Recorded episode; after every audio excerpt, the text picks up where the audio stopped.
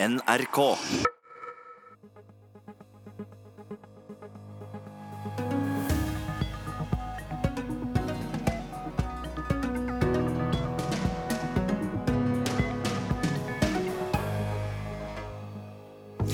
Vi har snakket nok om gamle russere. Hvordan er det egentlig å være ung i Russland i dag? Hva hører de på, hva leser de, og ikke minst, hva snakker de om? Sport og politikk henger tett sammen i dette samfunnet. Fokus på fysisk fostring og patriotiske idealer er så viktig at det faktisk er uttalt statlig politikk med navnet patriotisk oppfostring. Av alle uviktige ting i livet er fotball det viktigste, som kjent, så ikke undervurder idrettens rolle i propaganda. Velkommen til den sjuende timen i vår Russlandsmaraton med Ellen Verste Guttormsen og Espen Aas. Det vi skal høre nå, er det kanskje flere som drar i kjensel på.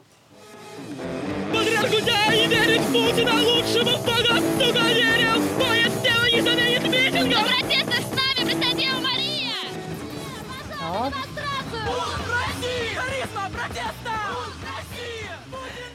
Sånn hørtes det ut da det russiske jentepunkbandet Pussy Riot kritiserte Vladimir Putin i en sang fremført i en katedral i Moskva i 2012.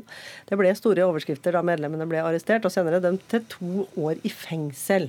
Og dette ble kanskje et et av de første innblikkene i for mange en ukjent russisk ungdomskultur. Men vi får ikke så mange rapporter om ungdomskulturen i øst. Hans Kristen eh, Hyrve, du har laga en serie eh, til P2-programmet Salongen som heter En liten serie om å elske Russland. eh, ja, og Der sier du at norsk og vestlig dekning av Russland nesten alltid er Guantánamo, nesten aldri Bruce Springsteen. Hva mener du med det? Ja, med det eh, mener jeg, og det her gjelder jo ikke bare Russland. da. Det her gjelder jo fryktelig mange land, eh, kanskje særlig afrikanske land, men det gjelder jo meg Russland. Det jeg mener med det, er at hvis en ser på dekninger av USA, f.eks., som det er ganske mye av i norsk offentlighet, så kjennes jo til Guantánamo, eh, og så er jeg enig om at den presidenten der er et fjols.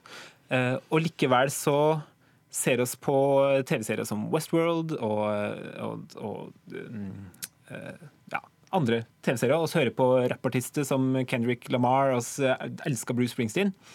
Og så greier vi å holde de tingene fra hverandre. Sant? At, og, oss så vet at det her eh, som oss misliker, finst. Og så vet vi at det her som oss liker, det, det finnes der med. Eh, mens når en kommer til dekningen til Russland, så er det ikke slik at det ikke finnes alt det her som oss, som oss lærer om homofobien og rasismen og, og trakassering av skeive. Altså, alt det der, det med finst, men oss får på en måte bare høre om Guantánamo, og så får oss aldri høre om Bruce Springsteen. Hvorfor er det sånn? Ja, det er et godt spørsmål, da. Det er jeg tror, det handler om mange ting. Som sagt så er det jo ikke bare Russland det her gjelder. Men jeg, jeg tror det hjelper at uh, oss har ganske klare forestillinger om hva russere er. Uh, og om uh, sant, at oss eksempel at russiske hooligans er jo kjempeskumle. Hadde jeg vært på en fotballkamp, så ville jeg helt sikkert vært redd for russiske hooligans. Og så veit jeg ikke egentlig ikke er farlig det er å være på en fotballkamp i Russland, for det, har vi ikke vært. Men, men, eh, men også elsker å dyrke de forestillingene om det skumle Russland og om det trakasserende Russland. Og eh, all grunn til det. Sant? Det, er, det skjer brått på menneskerettighetene, og f.eks. Helsingforskomiteen, som sitter representert ved sida av meg her, sant? gjør en kjempejobb i det. Eh, Og det er ingen grunn til å ikke fokusere på det, for det er kjempeviktig. Men eh, det er kult når P2 spiller russisk hiphop, da, som akkurat skjedde. Sant? For at det er, da ser en at her finnes det jo personer som driver med helt andre ting.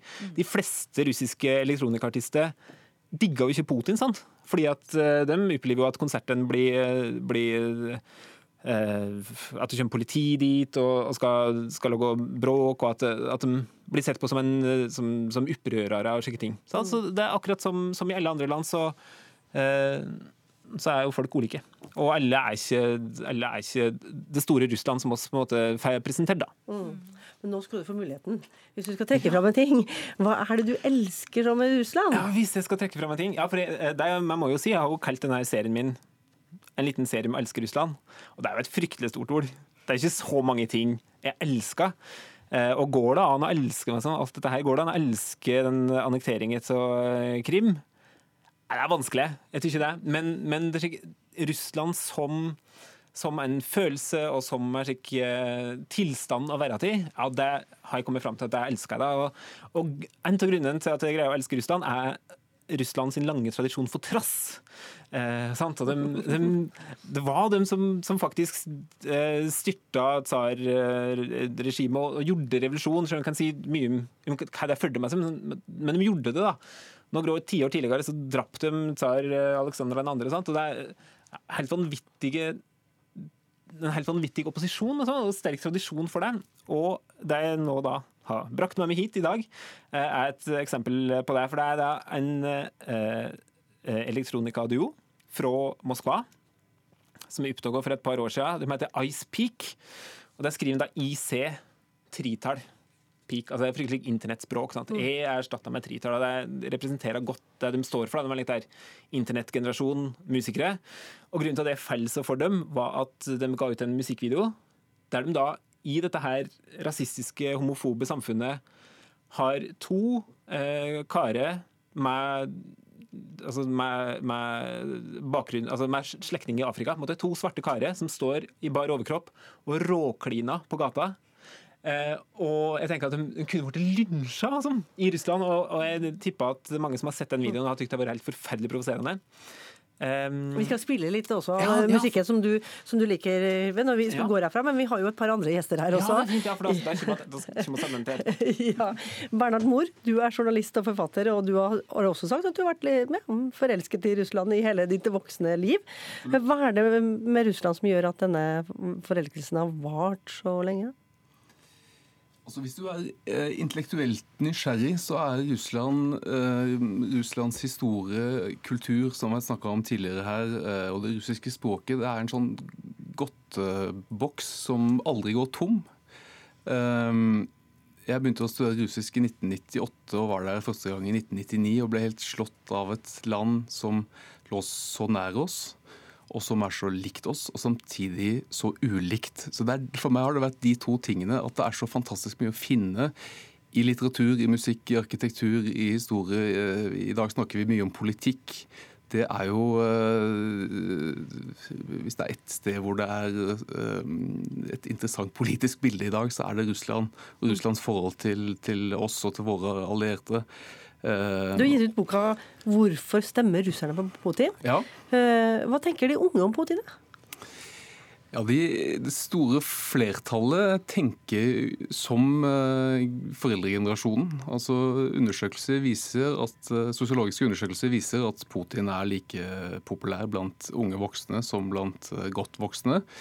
Eh, og det er ganske paradoksalt, ikke sant? Fordi at eh, Men har de snudd på eh, et tidspunkt, eller har de eh, helt siden han kom eh, likt den? Nei, i alle fall, altså de, de undersøkelsene jeg ser på, viser at, uh, at Putin er, er like populær blant de unge som, som blant de som er født på 60- og 70-tallet.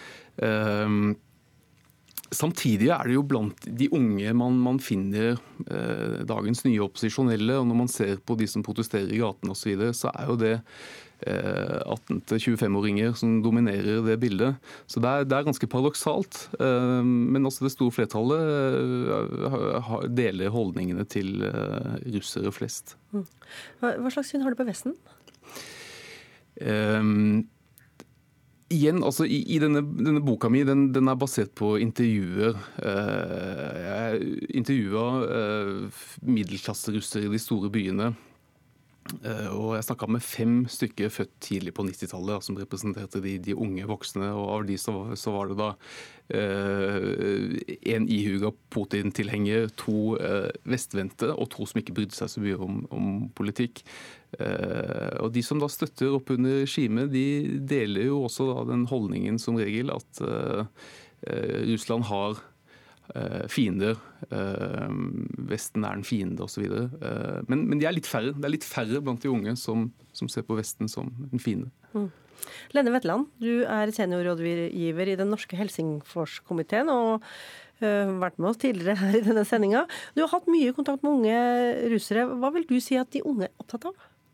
De er jo opptatt av mye av det samme som ungdom er i Norge. Det er klær, det er sko, det er film, det er musikk og det er reise. Eh, Men eh, de er jo òg opptatt av, at, eh, av rettferdighet, som norsk ungdom er. Og på mange områder så får man jo ikke den rettferdigheten man skulle ønske man hadde eh, i Russland. Og det er det flere som eh, reagerer på. Hvilke tema er det som skaper debatt? Eh, Det er særlig dette med, med korrupsjon. Altså Man vet eh, som student, selv om du jobber hardt og selv om du søker på jobber som du vet du er kvalifisert til, så er det ikke sikkert at du får de. Det kommer an på nettverk, det kommer an på dine politiske syn, det kommer an på, på, på penger, rett og slett. Eh, eh, Reisemuligheter er er færre eh, til å, til å bruke språk, til å reise til Storbritannia, USA, andre steder. Så det, det er mye av dette eh, som, som folk reagerer på. For du får ikke brukt mulighetene som du ser andre har. Men de eh, har jo internett, de, holdt jeg på si. De bruker sosiale medier. Hva bruker de sosiale medier til i Russland? De bruker sosiale medier til veldig mye, og det er jo der veldig mye av aktivismen skjer. Eh, Det er jo blitt eh, flere innstramninger i Russland med tanke på det å eh, gå ut i gatene og demonstrere. Når, de gjør det, så blir det arrestasjoner også av ungdom altså helt ned i 12-13-årsalderen blir innbrakt eh, til politistasjonen. Så det er ganske eh, harde reaksjoner på de som faktisk tør å gå ut i gatene. Så sosiale medier brukes jo veldig mye til å spre informasjon, dele, eh, dele nyheter, dele tanker og kritikk om, om ting som skjer. Og det er stadig flere eh, lokale initiativ som òg ungdommer eh, slår seg sammen om, for å beskytte dyr eller skogen eller ja, den type ting. Mm -hmm. Hva med sensur? Hvor utbredt er det? Eh, Det er jo ikke direkte sensur eh, i den forstand, men eh, man opplever jo at man kan bli innkalt til oppbyggende samtaler med professorer, med overordnede, som vil, vil fortelle deg at det du gjør nå, det du skriver nå, det er ikke helt ønskelig. Og i, som journalist så vil jeg selvfølgelig òg møte Erfare det at de få stedene der du faktisk kan skrive om det du føler er viktig, og og um, ja, det som er viktig å skrive om, det er ikke så mange steder man kan gjøre det. Hva med soft power? Jeg, eh, drev og tenkte litt på det her før jeg gikk inn i studio. At eh, jeg går med amerikanske sneakers, jeg har eh, amerikanske jeans, jeg kan høre amerikansk musikk på øret og drikke Coca-Cola.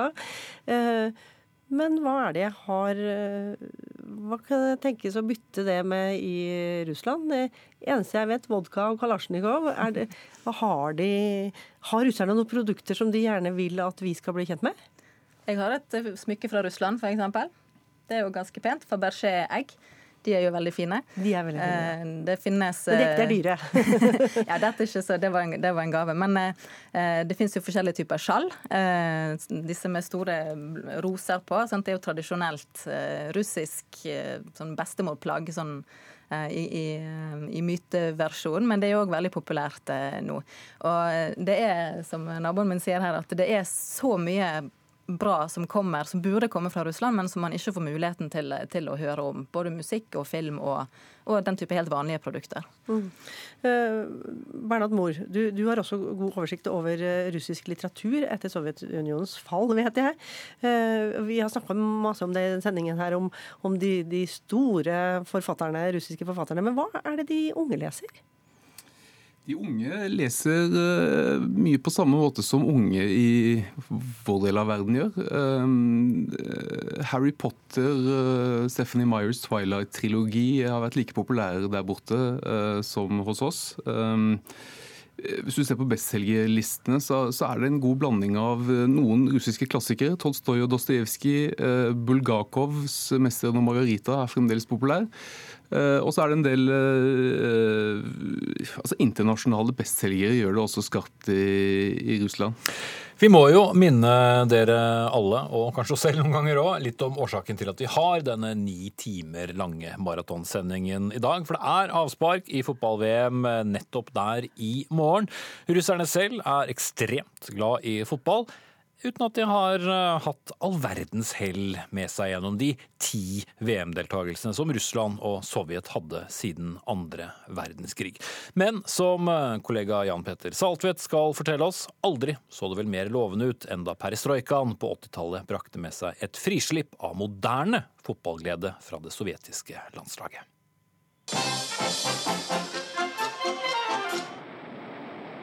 Det ville bli det mektigste imperium i hele verden. Også innen sport. Men uansett hvilke fremganger regimet fikk i en rekke idretter, skjedde det aldri der det teller som mest. Sovjetunionen måtte gå til grunne før dets folk endelig skulle lykkes i et VM i fotball.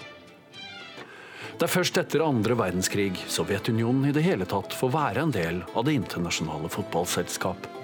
Etter OL-gull i Melbourne i 1956 debuterer gigantnasjonen i VM i Sverige to år senere.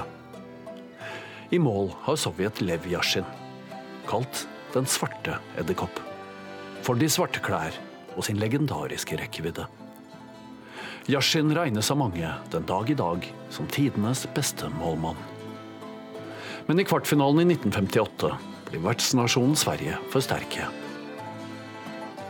Vel vinner Sovjet tidenes første EM to år etter. Men i VM-sammenheng når de ikke lenger i denne sin første glansalder enn semifinalen i 1966 i England.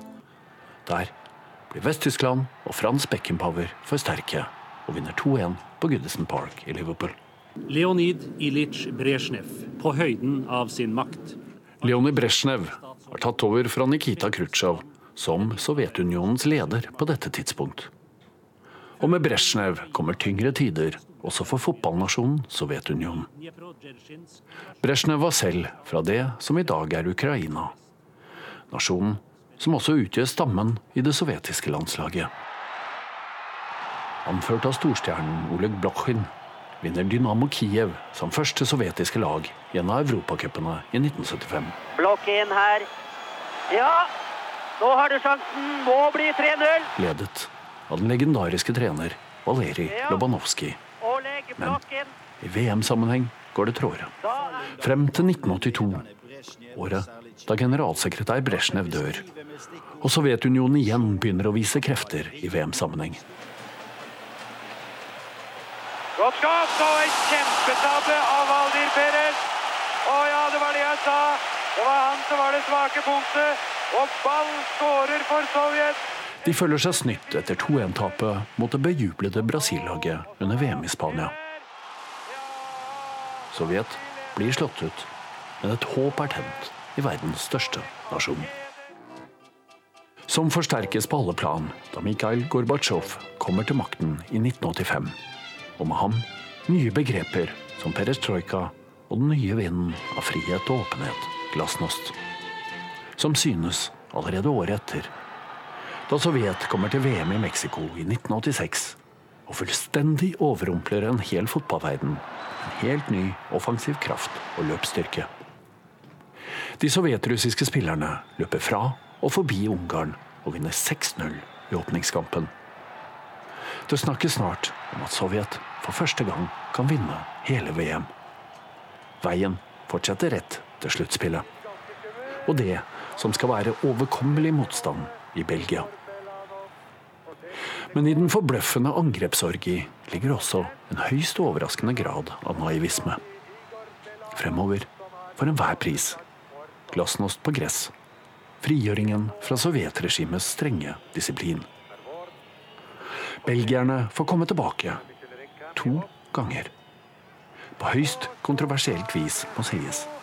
Målet til Jan Koilemans skulle vært annullert for klar offside, mener sovjeterne. Men ekstraomganger blir det i åttendedelsfinalen. Hvor Belgia igjen skal straffe Sovjets angrepselver med sine kontraststøt. Belgia vinner 4-3, og det som kunne vært oppfyllelsen av den sovjetrussiske fotballdrøm, er slutt. En gyllen generasjon spillere, ledet av legenden Valerij Lobanovskij, får aldri sin fortjente heder. Enda nærmere en triumf er Sovjet to år senere. Men etter tapet for Nederland i EM-finalen i 1988 er det som om man merker tretthetens inntog. Sovjet er ved sin endestasjon, som imperium og som fotballnasjon. Felt av sin tro på et fellesskap som skulle overvinne alt, for alt forvitrer. Først i 1994, ironisk nok i USA, skal det lykkes Sovjets delvise arvtaker, Russland, å få sitt ene, unike avtrykk i VM-historien. da de vinner 6-1 over Kamerun. Og spissen Oleg Salenko, som den første og eneste, lager fem mål i én og samme VM-kamp. Men Salenko og hans russiske lagkamerater har på dette tidspunktet allerede tapt sine to første kamper i mesterskapet og går uansett ikke videre. Den virkelige storhet kommer ikke i tide, symbolsk nok. Slik den heller aldri gjorde for Sovjetunionen. Ja, og det var eh, reporter Jan Petter Saltvedt som fortalte om russisk VM-skuffelse. Russiske idrettsutøvere de har siden sovjettiden kjent på en plikt til å vinne. De skal vise styrken til landet gjennom prestasjoner på banen, i skisporet eller på parketten. Flere mener at idretten fortsatt er en viktig arena for propaganda i Russland. Og også fotball fungerer som merkevarebygging for staten. Og selv om det ikke er de helt store forventningene til det russiske laget nå, så er det viktig for president Putin at selve VM-arrangementet skinner. Sigrid Kleiva Gramstad, Russland-viter og fotballentusiast, kan vi si det. Hvordan er stemningen på russiske fotballkamper? Veldig mye av det er jo veldig likt som eh, på andre fotballkamper. Men du opplever ofte noe der som jeg i hvert fall ikke har opplevd så mye, f.eks. her i Norge. Eh, du har jo en, eh, mye høyere, et mye høyere nivå av sikkerhet. F.eks. så bort, dekker man til bortesupporterne med det jeg vil kalle slags opprørspoliti. Med visirer og hjelm og skjold. Som da slår fysisk ring rundt bortesupporterne, som da kom på besøk for å se på kamp. Men likevel så har du ofte da i hvert fall en fem-seks stykker som kaster seg over, eh, ene og alene, for å slåss mot eh, bortsupporterne. Eh, som jo man kan si at eh, noen vil, noen vil, kanskje se på det som modig. Det blir i hvert fall møtt på som, eh, med stor jubel ofte eh, blant de fansen som står ved siden av. Mm. Men dersom de ikke hadde hatt den barrieren mot dem, hadde det blitt mye bråk? Det, det, spørs jo om kanskje den barrieren også legger litt opp til at man skal, man, man skal være den tøffe fyren som mm. hopper over for å slåss.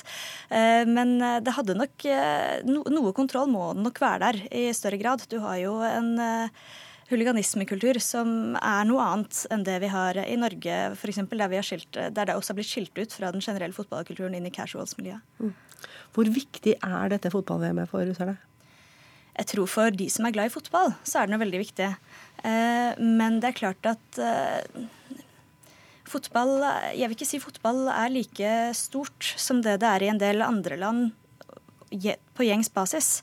Eh, de er opptatt av landskamper, ja, men i mindre og mindre grad av egen liga, og ikke så mye opptatt av andres ligaer heller, sånn som vi f.eks. er her i Norge. Har de noen forventninger til egen VM-innsats, da? Jeg tror de helt klart forventer at uh, her skal man gå fram og gjøre det bra. Men uh, med tre tap og en, bort, uh, og en uavgjort som i de siste vennskapskampene, så er det vel ikke så, så mye håp. Og Putin sjøl mana jo på mange måter til en slags ro og sa vi skal kjempe. Men mm.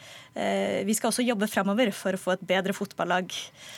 Jeg leste en sånn, ja. ja, Åge Borchgrevink, du skal få lov til å komme til, til uh, ordet, du også. Um, eh, men, men litt, litt, gjennom dette med, med, eh, Idretten har jo vært viktig for russerne. Um, og fikk spesielt mye å si i sovjettiden. Hvilket utslag fikk de da? Altså, I sovjettida så var det jo litt annerledes. Man var jo, fotball var jo ikke der man skinte aller mest, eh, sammenligna med en del andre sporter. Eh, og man kom jo kanskje bokstavelig talt litt seint på ballen inn i Sovjetunionen når det kom til mesterskap. Man deltok vel ikke før i 58 tror jeg. Og så fikk man ikke lov til å delta i VM i 54 fordi man gjorde det så dårlig i OL i fotball. Eh, og da eh, kom man jo på mange måter litt sent på. Man har hatt noen gode resultater, men det har aldri vært f.eks. så eh, gjennomslående som det langrenn kan sies å ha vært andre sporter, som ishockey. Mm. Du nevnte jo dette at de lokale lagene, at, serien, den hjemlige serien er veldig viktig. Rune Myhre, eh, du har skrevet masteroppgave om russisk fotball. Eh, la oss starte litt med det jeg alltid har lurt på. Hvor, hvor kommer disse lagenes navn fra? Lokomotiv, Dinamo, Torpedo og Spartak?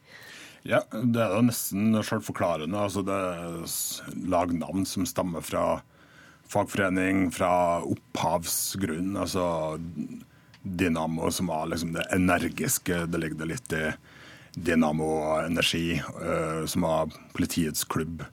Eh, Du hadde studentklubben Borevestnik, og i St. Petersburg så fikk du lage navnet Stalinets, oppkalt etter Stalin. Um, sånn et eh, klubbnavn speiler bakgrunnen til både den som står bak laget, og den som i stor grad heier på laget. Vi har da antydet at fotball er politikk i, i Russland, og mange har kanskje hørt historien om historien da Stalin befalte Sovjetunionen å ikke tape mot Titos Jugoslavia. Det var i, i OL i 52, ja. Hva var det som skjedde da? Ja, det var eh, OL i Helsinki, og Sovjetunionen skulle spille mot Jugoslavia. Det var Stalin eh, Det var et år før Stalin døde. Og Tito satt i Jugoslavia, og Stalin sendte rett og slett telegram til landslagsledelsen om at eh, landslaget hadde ikke lov å tape mot Jugoslavia. Og noe de da gjorde eh, Jugoslavia vant, og det sovjetiske landslaget, som besto stort sett av spillere fra CSKA Moskva, altså armensk klubb, eh, ble, noen ble sendt til Gulag Sibir, og noen, altså laget ble praksis, praksis oppløst og lagt ned i mange år. og Og så de fikk straffen sin. ja da, så klart Jeg hadde tapt. Eh, Det var ikke etter Stalins befaling. Hvilke andre historier viser hvordan sovjetisk politikk har påvirka fotballen? Ja, Du hadde da før krigen f.eks. da Spartak Moskva, som var folkelaget grunnlagt av Nikolaj Starostin, eh, skulle spille eh, mot Dinamo Tbilisi, og Dinamo Tbilisi hadde da en veldig celeber eh, supporter, Lavrenti Beria, som var sjef i eh, NKVD, forløperen til KGB og dagens FSB. Og, og ikke minst eh, Stalin var da litt eh, fotballinteressert, og begge georgiere. eh, Og Tbilisi, georgisk lag. og eh, Spartak slo Dinamo Tbilisi i semifinalen og vant finalen et par dager etterpå mot Stalinets fra Leningrad. Og da fant Beria ut at semifinalen må spilles opp igjen. Altså etter finalen var spilt. Så da, da var Berias ord lov. og eh, Kampen ble spilt om igjen, og en dommer fra Dynamo altså, selv om det var altså, fra en annen Dynamo-klubb, men fortsatt Dynamo-systemet. og Spartak vant igjen, da, og da slapp jeg å spille finalen, fordi den hadde de allerede vunnet. Da, Åge Borchgrevink, skal du få komme til. Du er seniorrådgiver i Norske Helsingforskomiteen. Hvordan er det russerne sånn generelt bruker eh, fotball og idrett eh, som en del av, dette propagandaapparatet sitt?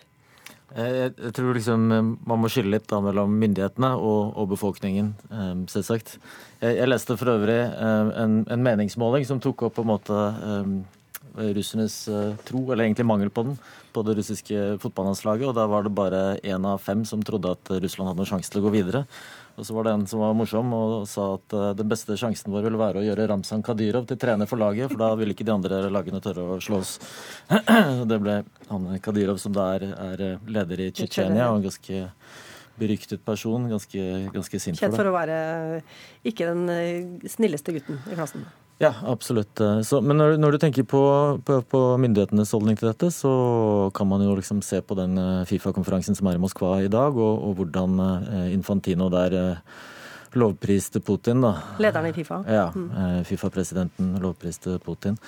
Um, så da ser du på en måte litt hva slags uh, ja, funksjon uh, fotballen uh, kan ha da, for, for det russiske regimet. Og jeg syns egentlig det grelleste eksempelet var for et par dager siden, eller i går var det kanskje, em, i, i Tsjetsjenia, der Mohammed Salah, altså Liverpools store stjerne og Egypts beste spiller, ble henta på hotellet av, av denne tsjetsjenske lederen Ramzan Kadyrov og en annen mann som er eh, formann i det tsjetsjenske parlamentet, eh, Magomed Daudov. eh, virkelig kjent og beryktet torturist, og jeg har selv snakket med folk som hevder å ha vært torturert av den mannen. Så ble han hentet ut og, og fotografert igjen en, en, en, på, på banen av dem. Så det sier jo litt om hvordan fotball fungerer for Mm. myndighetene. Mm.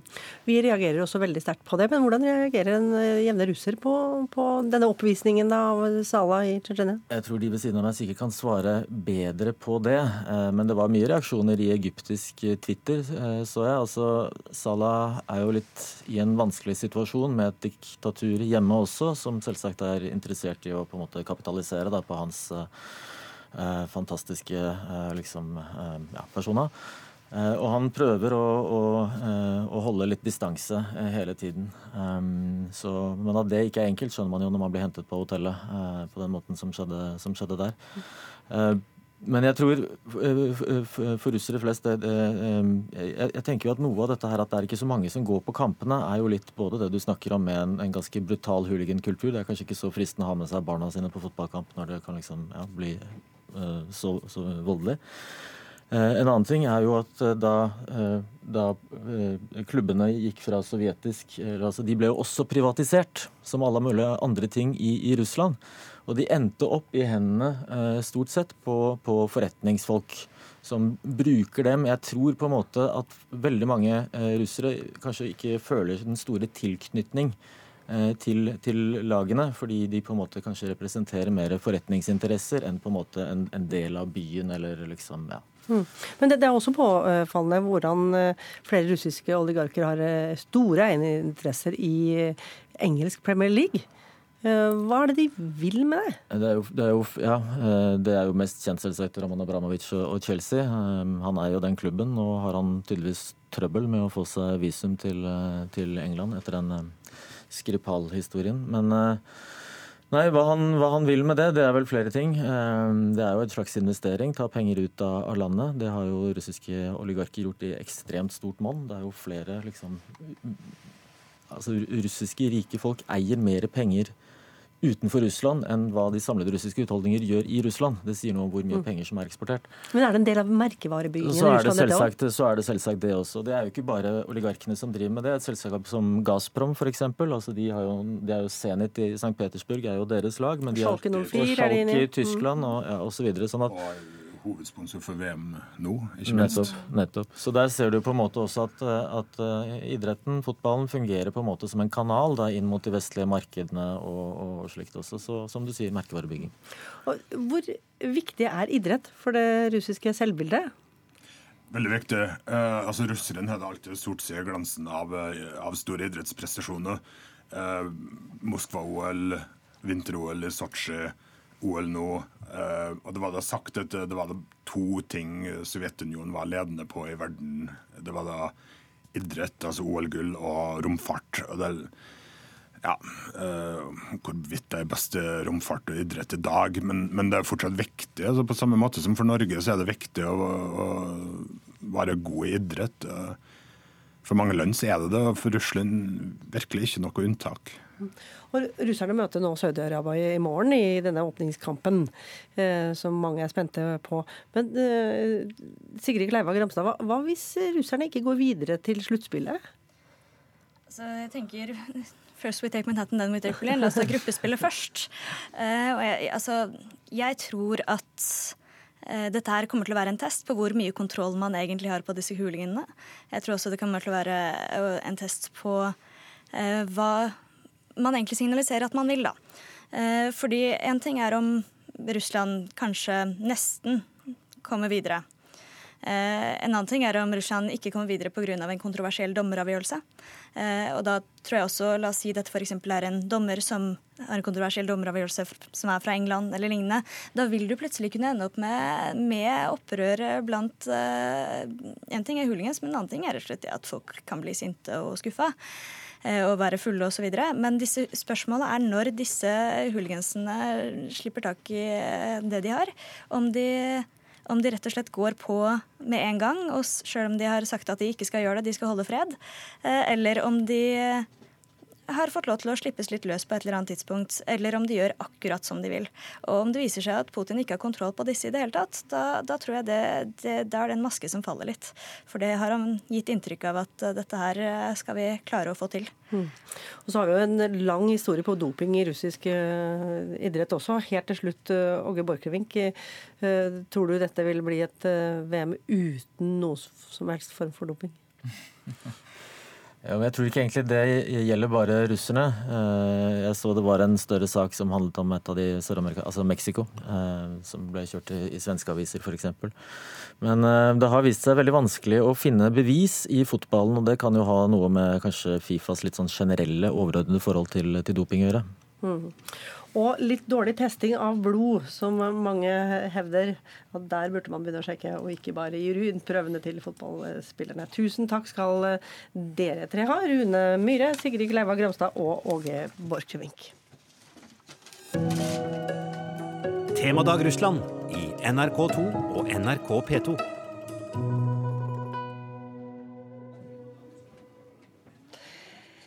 I Russland henger militæret og idretten tett sammen. F.eks. er den russiske sportsministeren selv militæroffiser. Den mest kjente sportsklubben CSKA er tett assosiert med Hæren, og Russland er mestvinnende nasjon i de olympiske lekene for militærsport gjennom tidene. Fokus på fysisk fostring og patriotiske idealer har en solid forankring i det russiske samfunnet. Og så finnes det til og med noe som har en egen statlig politikk som eh, heter Patriotisk oppfostring. Håvard Bekken, postdoktor Institutt for forsvarsstudier, IFS. Dette må du forklare oss. Hva er patriotisk oppfostring? Ja, Det er vel et eh, bra sted å starte med å si hva det er. For oppfostring er jo ikke et eh, norsk ord vi bruker så mye. Jeg tenker vel at det ligger midt mellom utdannelse og oppdragelse et sted. Så det er jo en patriotisk oppfostring er en politikk staten fører for å sosialisere og forme ungdom inn i nettopp eh, med det verdisettet som den russiske staten ønsker. Og Hva slags eh, verdier og, egenskaper er det snakk om det? Jo, Først og fremst så er det jo eh, staten som er det sentrale. altså Kjærlighet til fedrelandet, ikke sant? inkludert at man skal være stolt av russisk natur, kultur, historie. Um, i det så ligger det også en eh, veldig tradisjonell eh, oppfatning av hva Russland er og skal være, og hvem russerne skal være. Eh, så der har vi mange vi kan kalle det militærtradisjonalistiske verdier, som overlapper ganske mye egentlig med vanlig sosialkonservativisme. Så hardt arbeid, uegennyttighet og respekt for autoriteter, f.eks. er typiske eksempler. Og det er ganske mye som maskuline verdier også ute og går her. Og Hvordan kommer dette til uttrykk da i russisk eh, dagligliv? Eh, ikke minst er skolen viktig. Det er mange arenaer. Egentlig så er eh, patriotisk oppfostring nettopp kjennetegn for at du på en måte er overalt. Um, men skolen er helt avgjørende. Du inngår eh, patriotisk oppfostring egentlig i de fleste skolefag. Det er et eh, ønske om det. Kanskje viktigst er historiefaget, som har veldig fokus på den heroiske innsatsen f.eks. til Eh, den røde armé, da, sovjetiske styrker under eh, den store fedrelandskrigen. ikke sant? Eh, det er et ønske om å fortelle den positive historien. Og det samme med litteratur. og Også i realfag så har man da fokus på hva det sovjetiske og senere russiske bidraget har vært. I tillegg så har man helt andre typer ting som går mer på det militære. F.eks. alle tiendeklassinger skal i utgangspunktet gjennom en sånn slags militæruke, hvor de skal prøve seg som vernepliktige. Hva, hva gjør de da? Eh, de, blir vel, eh, de går gjennom på en måte militær grunnleggende trening. Eh, det er jo ikke for så vidt så underlig. Altså, tidligere så var russiske verneplikten to, to, år, nå har den gått ned til én, så man må ha litt sånn grunnlag. Og dette er bare for gutter også, så det er helt tydelig sånn eh, instrumentell nytte for væpnede styrker, rett og slett. Mm. Men hvorfor er dette en russisk statlig politikk? Um, kan jeg bare fortsette litt på det vi snakket om først? fordi dette er ikke bare skolen. Det er litt viktig å få fram.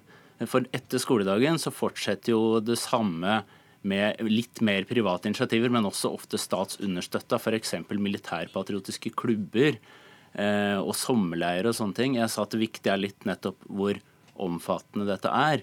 Og også folkefester, feiringer, store markeringer eh, av eh, f.eks.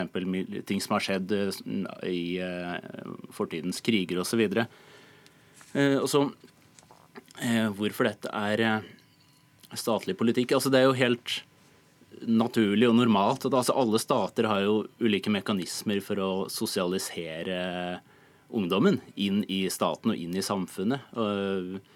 Det er ikke bare for å bli soldater. Det er den hele Nei, det, den russiske russiske det, fortellingen. det er vel mer dette med nettopp dette militære elementet som gjør at eh, Russland, men også andre postsovjetiske land, skiller seg ut f.eks. fra Norge. Da. Eh, Så for det første så er det et sterkt militært innslag som er litt uvant for oss her. Og så er det litt andre verdier som eh, fokuserer på. Og så er staten litt mer direkte involvert i også det som går utenfor skolehverdagen. da. Mm.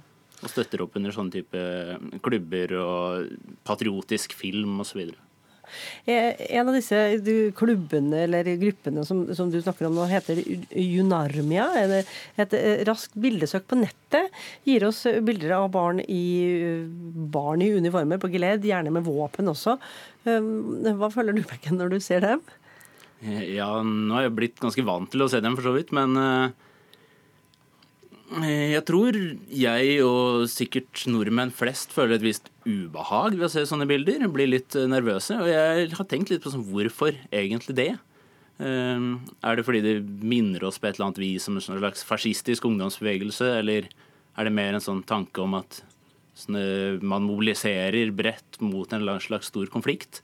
Eller er det mer kanskje også at vi er f.eks. For som foreldre litt em, opptatt av å skjerme barna for krig og storpolitikk, og heller vil, eh, leke, vil at de skal leke med dokker og togbaner? Men denne ideen om patriotisk forskning, det aner meg at den ikke er helt ny. Nei, det er jo riktig. Altså, det er en politikk om tradisjon, men det er jo, selve politikken er jo også tradisjon. Og det understrekes hele tiden av, eh, av staten selv også. Det var en, et begrep allerede under første verdenskrig, men eh, det var først eh, på 1960- og 70-tallet at det virkelig tok av. Eh, Dere har vel vært innom Brezjnev flere ganger i sendinga i dag, og eh, han var jo selv mm, Han hadde vært med å forsvare Sovjetunionen under andre verdenskrig og var selv offiser. Og veldig fokusert også på kontinuitet, tror jeg ble nevnt tidligere i dag. Så da ble dette en veldig stor ting. Det var det som var den patriotiske oppfostringens gullalder. Og så dabbet det litt av på 80-tallet, og ble nesten helt borte på 90-tallet, før det ble bygd opp igjen da, nå de siste to tiårene. Mm. Mens landet nå svinger mot en generell militarisering og ikke minst maskulinisering, som du da nevnte. Hvilken plass blir det igjen til jentene? Uh, oi. uh, det vet jeg ikke om jeg er helt kvalifisert til å svare på. Men eh, Tenker man også der at, at eh, jentene har en rolle da, i det store bildet av, eh, av Russland som, som den, eh, den store militærmakten igjen? Ja, selvfølgelig så ønsker jo Russland at kvinnene på samme måte som mennene skal være gode patrioter som slutter opp under landet. Det er ikke slik at alle skal ut og, og slåss. Heller, det er jo ikke poenget. Men i denne politikken som vi kaller patriotisk oppfostring, så er det fokus på det maskuline og kvinnene helt glemt. Mm. Det ante meg litt. Tusen takk skal du ha, Håvard Bekken, postdoktor for Institutt for forsvarsstudier i FS. Takk skal dere. Fotballklubben Liverpools eh, legendariske manager Bill Shankly er sitert på at fotball Football is not a matter of life and death. It is much more important than that. I vår serie med øyeblikk fra VM-historien har vi kommet til den colombianske spilleren som ble drept etter et selvmål. NRK Sports Arild Andersen tar oss tilbake til 1994. Colombia kom til mesterskapet som store outsidere etter suksesser i Copa America. Men året før ble også narkokongen Pablo Escobar drept. Escobar eide klubben flere av spillerne tilhørte, Atletico Nacional i Medellin. Og Medellin var blitt et lovløst kaos siden narkokongens død. Enkelte spillere var så knyttet til Escobar at de hadde besøkt ham i fengselet. Mens VM i USA pågikk, fikk flere av spillerne beskjed om kidnappede eller drepte familiemedlemmer. En annen Escobar, Andres Escobar, var lagkaptein på Colombia. Han var også fra Medellin, men hadde ingen nær tilknytning til Pablo, var en fotballens gentleman og klippen som forsøkte å holde moralen i laget oppe. Men han lyktes ikke. Colombia hadde allerede tapt åpningskampen mot Romania da de møtte vertsnasjonen USA i andre kamp. Der gikk alt galt. Lagkapteinen Andres Escobar gjorde selvmål. USA vant 2-1, og Colombia var i praksis ute.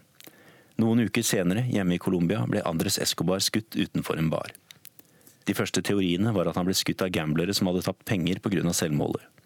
Men historien har fascinert mange og er både etterforsket og gjengitt i bl.a. ISPN-dokumentaren The Two Escobars, som følger de delvis overlappende historiene til narkokongen Pablo og lagkapteinen Andres. Etter selvmålet skrev han i en aviskronikk at livet slutter ikke her. Han mente det var hans ansvar som kaptein å dra ut og møte folket. Den første kvelden ute på byen måtte han tåle kjeft og hån fra sinte colombianere. Escobar sto oppreist og svarte på all kritikk. Kanskje svarte han for godt for seg. Det endte med at han ble skutt på parkeringsplassen da han skulle hente bilen og dra. Drapsvåpenet kunne spores tilbake til sjefene for et narkokartell som hadde vært Pablo Escobars rivaler. En av håndlangerne deres ble dømt for drapet, slapp ut igjen etter elleve år. Sjefene gikk klar av all straff. Og i et samfunn ute av styring betalte lagkapteinen den aller høyeste prisen for uflaks på fotballbanen. Sa sportens Arild Andersen. I neste time skal det handle om makt, penger og minoriteter. Vi skal møte en tidligere statsminister, en tidligere næringslivstopp og en tidligere fiskeriminister, som alle har måttet måle krefter med russiske topper. De er søkkrike og mytiske og eier omtrent nesten et fotballag hver. De russiske oligarkene har kanskje uendelig med rubler, men hvilken pris er det de må betale for makt og velstand? Og fordi i den andre enden av samfunnet har en rekke nye lover gjort det vanskeligere for minoriteter og utsatte grupper. F.eks. er det nå lov til å slå kvinner og barn. Hva vil Putin med dette? Men først Dagsnytt.